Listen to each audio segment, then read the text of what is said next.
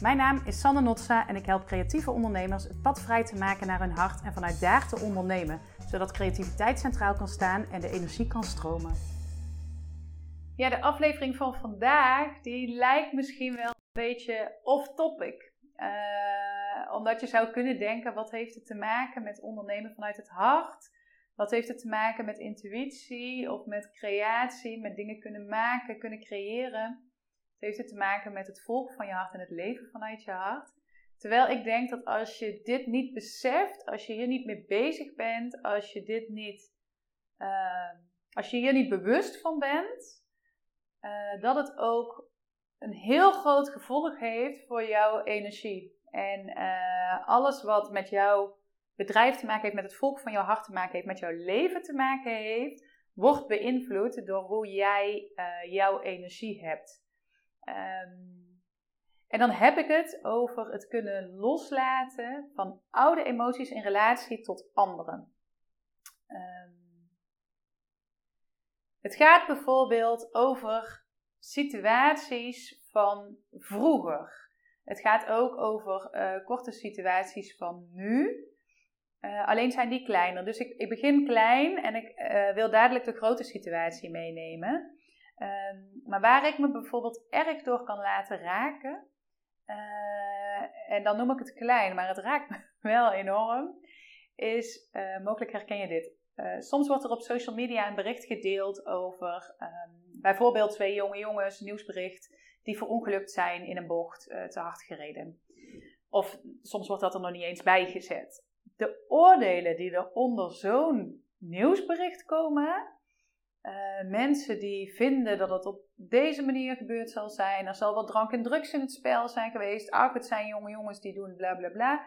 Ik kan me daar echt in verliezen. Ik kan dat gaan lezen. Ik kan dat helemaal, het zuigt me helemaal op.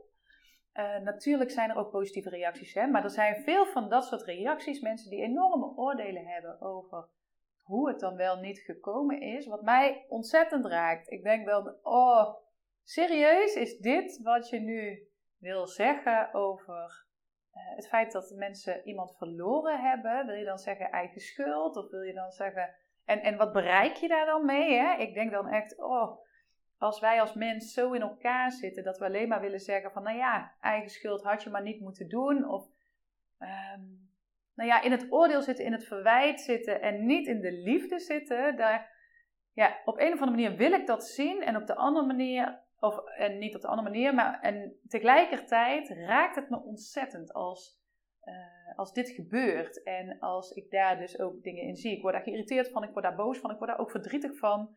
Mijn geloof in de mensheid uh, verlies ik een beetje.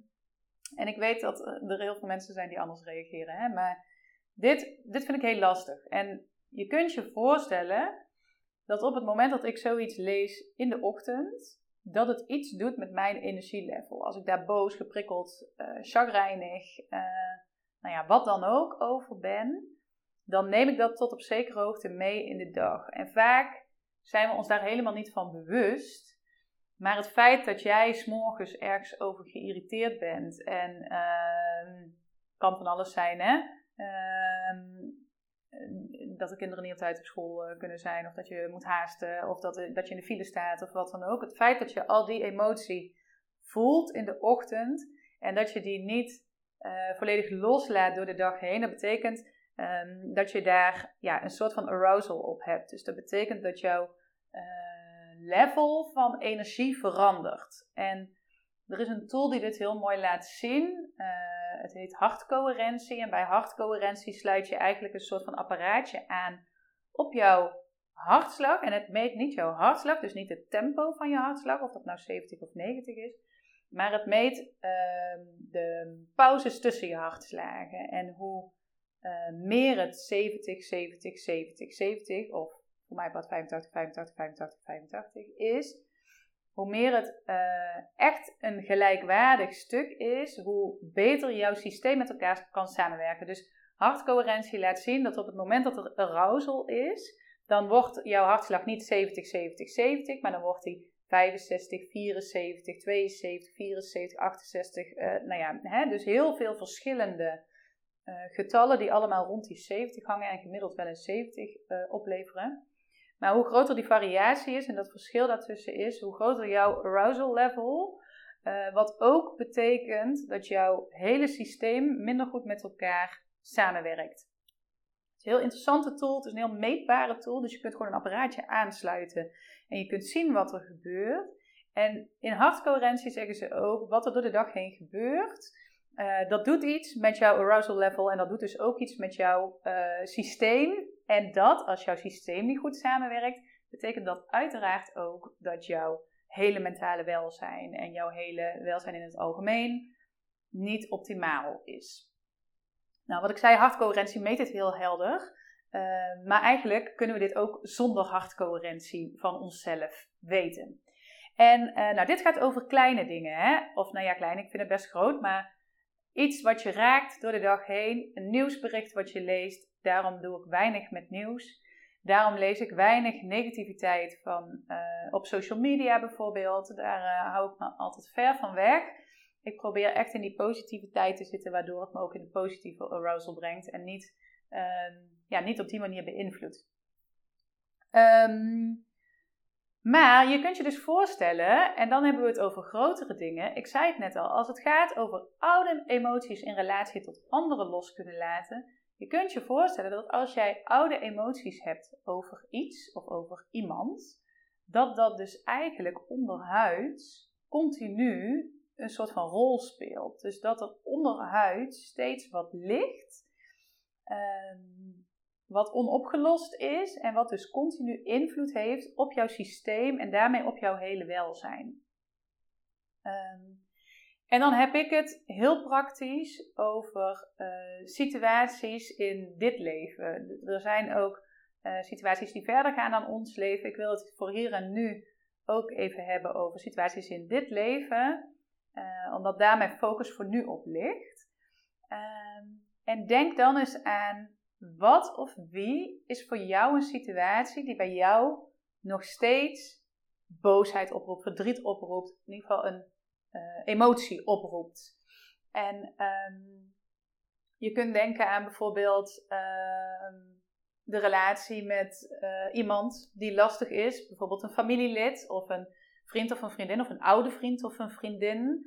Um, een relatie waarin je misschien teleurgesteld bent, waarin je boos bent, of waarin je, nou ja, op wat voor manier dan ook geraakt bent, maar dat je ook nog steeds voelt of die relatie nog steeds doorloopt of niet. Um, dus als je daaraan denkt, dat je steeds weer dat gevoel oproept bij jezelf, dat je dat voelt. Um, je kunt ook denken aan een situatie die gebeurd is, zoals bijvoorbeeld uh, een ontslag wat je ooit hebt gekregen.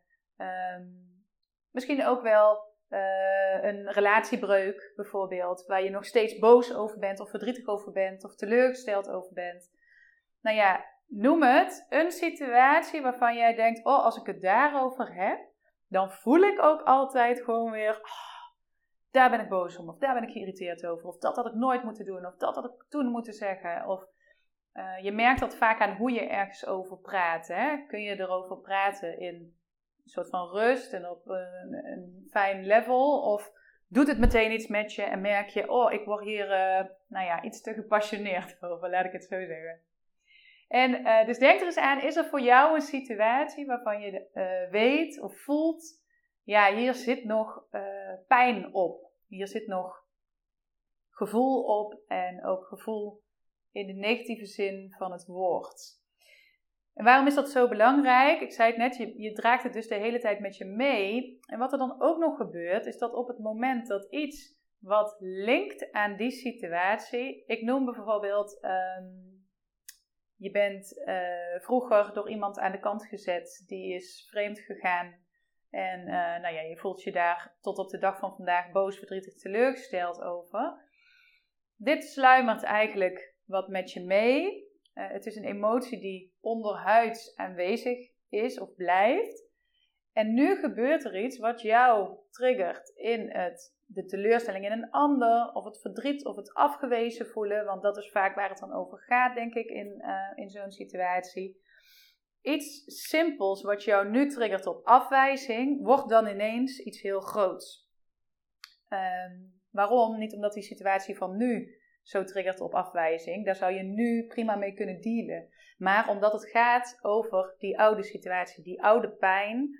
Uh, ze noemen het ook wel what wires together, fires together. Dus als er iets dan weer aangewakkerd wordt, dan wordt het in één keer een groot vuur, om het zo maar even te zeggen. Dus ehm, wat er gebeurt is, is vaak, en vaak zie je dat door, jij wordt bijvoorbeeld heel erg getriggerd door een bepaalde situatie, maar jouw vriendin, collega, uh, andere bekende, die ziet dezelfde situatie en die denkt, ja, ik weet niet waar jij het over hebt, wat bij jou nou zo uh, groot maakt, maar het is gewoon dit. Um, en dat betekent vaak dat er dus onderhuid iets ligt bij jou wat je onopgelost hebt. Um, dus je kunt dat vaak zien aan dat het jou veel meer doet dan dat het een andere persoon doet, terwijl het over dezelfde situatie gaat. Andersom is dat natuurlijk ook het geval. Um, en er zijn een, paar dingen die hierin heel belangrijk zijn.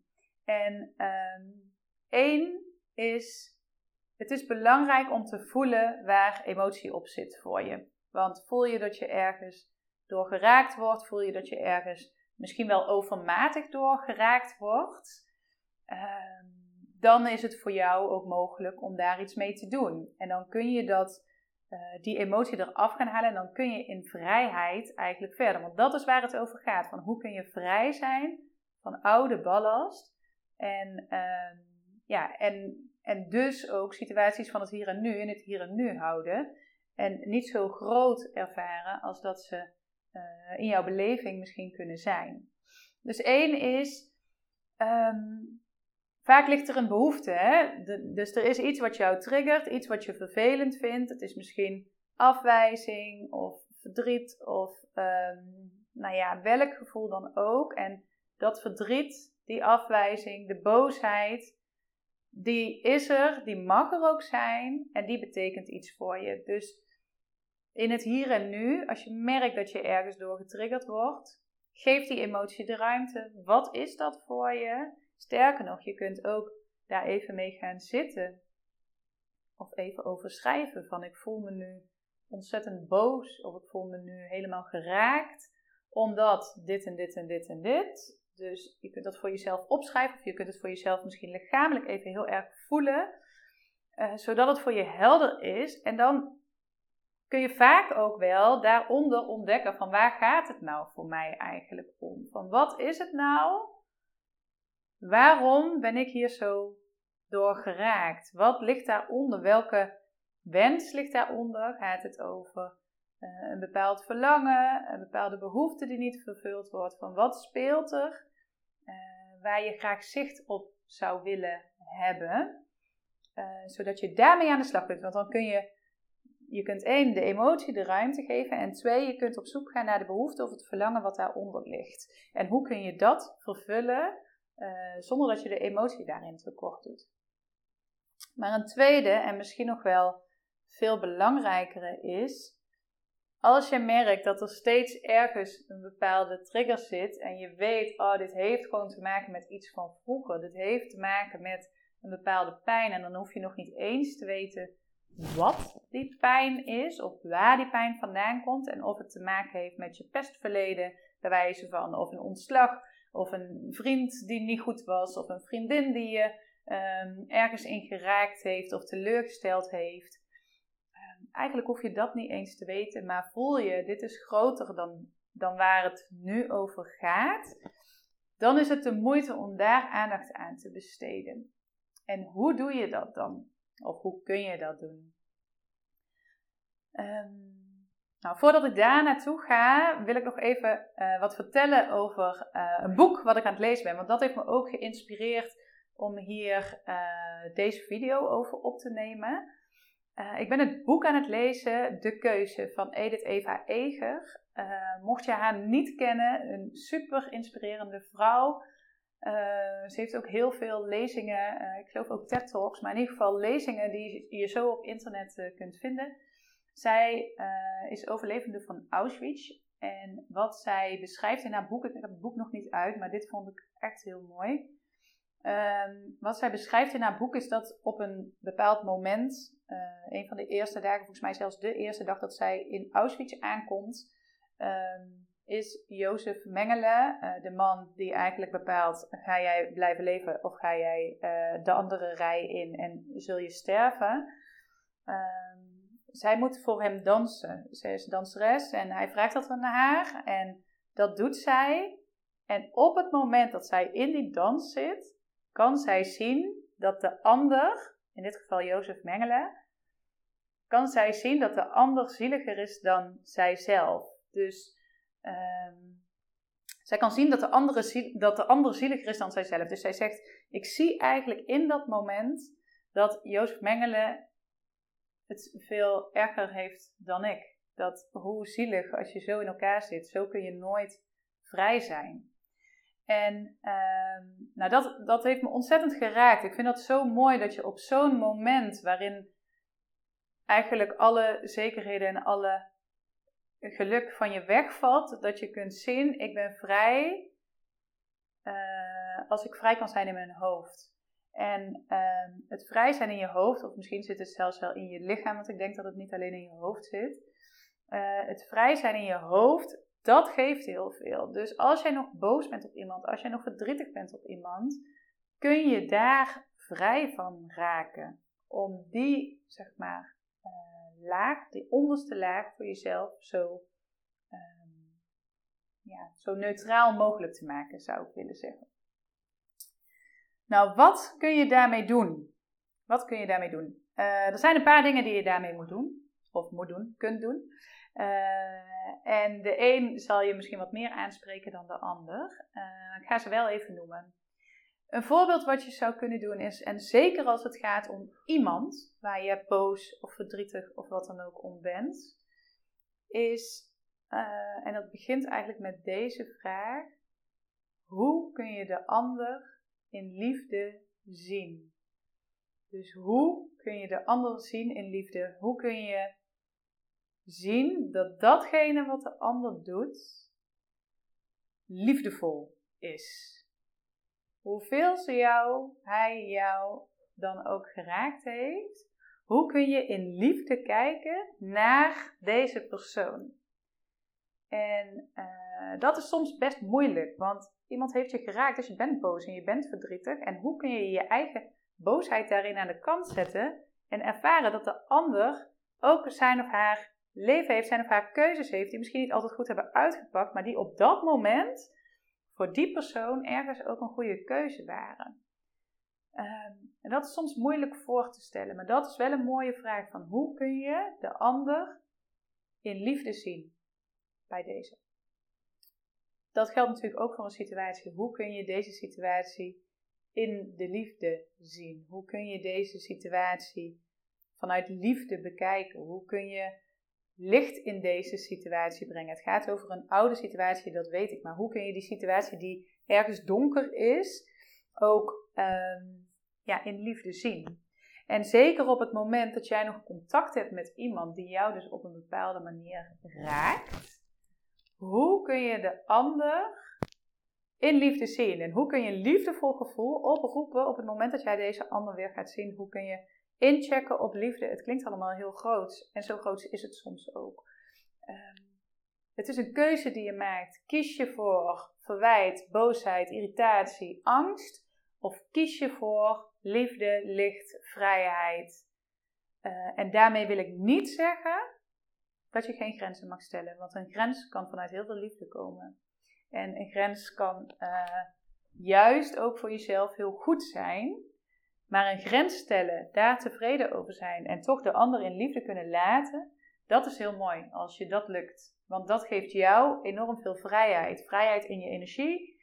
Vrijheid om je te voelen zoals jij je wil voelen, zodat je niet steeds opnieuw geraakt wordt. En daarmee betekent dat heel veel voor hoe jij kunt luisteren naar wie ben ik, wat wil ik en wat wil er uh, in mij opkomen. Hoe kan ik vrij zijn om datgene uh, te horen, te zien, te voelen wat mijn hart mij wil vertellen.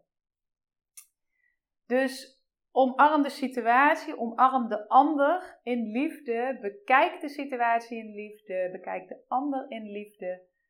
Check in op liefde, voel hoe kan ik het licht maken, hoe kan ik het vanuit het licht bekijken. En ehm, kijk eens hoe dat voor je werkt. En of je daarmee ook de situatie in ieder geval wat minder negatieve lading kunt geven en ook wat meer positieve lading kunt geven. Nou, ik ben heel benieuwd hoe dit voor je lukt, hoe dit voor je werkt. Um, en opstellingen is hier een hele mooie tool voor op het moment dat er iets nog ligt. Uh, ik gebruik dat veel in mijn 1 op 1 mentorships. Sowieso in mijn 1 op 1 mentorships gaat het veel over energie, over hoe jij dat kunt beïnvloeden. Het gaat over het verleden, het gaat over het nu en het gaat over de toekomst. Hoe kun jij zijn wie jij wil zijn? Hoe kun je vrij zijn? Letterlijk vrij zijn, maar ook figuurlijk vrij zijn om dat te kunnen doen wie jij bent, om diegene te kunnen zijn wie jij bent, uh, datgene aan de wereld te laten zien wat jij graag wil laten zien. Um, dus in mijn één op één mentorships is hier heel veel aandacht voor, is hier heel veel ruimte voor. En uh, dan werken we zes maanden met elkaar samen om helemaal te kunnen ervaren wie ben ik, wat wil ik hier komen doen en hoe kan ik dat aan de wereld laten zien. Dus hoe kan ik mijzelf toevoegen aan deze wereld. Uh, zodat jij daar heel gelukkig van wordt. Zodat de mensen om jou heen dat geluk kunnen voelen. En zodat de wereld om jou heen daar het allerblijste mee wordt, mee is. Um, daarmee zou ik vandaag graag willen afsluiten. Ik hoop dat je er iets aan hebt. Uh, kies voor liefde, kies voor licht. En mocht je op een bepaald moment denken: ik wil hier eens met jou over doorpraten, Sanne. Heel graag. Uh, altijd vrijblijvend en weet dat ik heel graag met je in gesprek ga over uh, hoe ik mijn licht wil laten schijnen op de wereld. En wat dat eventueel voor jou zou kunnen betekenen en hoe ik kijk naar hoe dat voor jou zou kunnen werken. Dus je bent van harte welkom om naar me uit te reiken. En uh, een hele fijne dag voor vandaag. Dankjewel dat je hier bent. Ik hoop dat ik je met deze aflevering heb mogen inspireren om bij jezelf te blijven, je intuïtie centraal te zetten en je hart te volgen. Als het jou helpt en enthousiast maakt, zou ik het super vinden als je deze aflevering op mijn kanaal wilt delen met jouw netwerk, bijvoorbeeld via de socials of live. Ook een review is fijn zodat anderen mij kunnen vinden. Ben jij een creatieve ondernemer en wil je naar het volgende level van ondernemen vanuit intuïtie en je hart? Kijk dan eens op mijn website www.sanosi-coaching.nl of stuur me een mail of connect met me via social media. Veel liefs voor jou.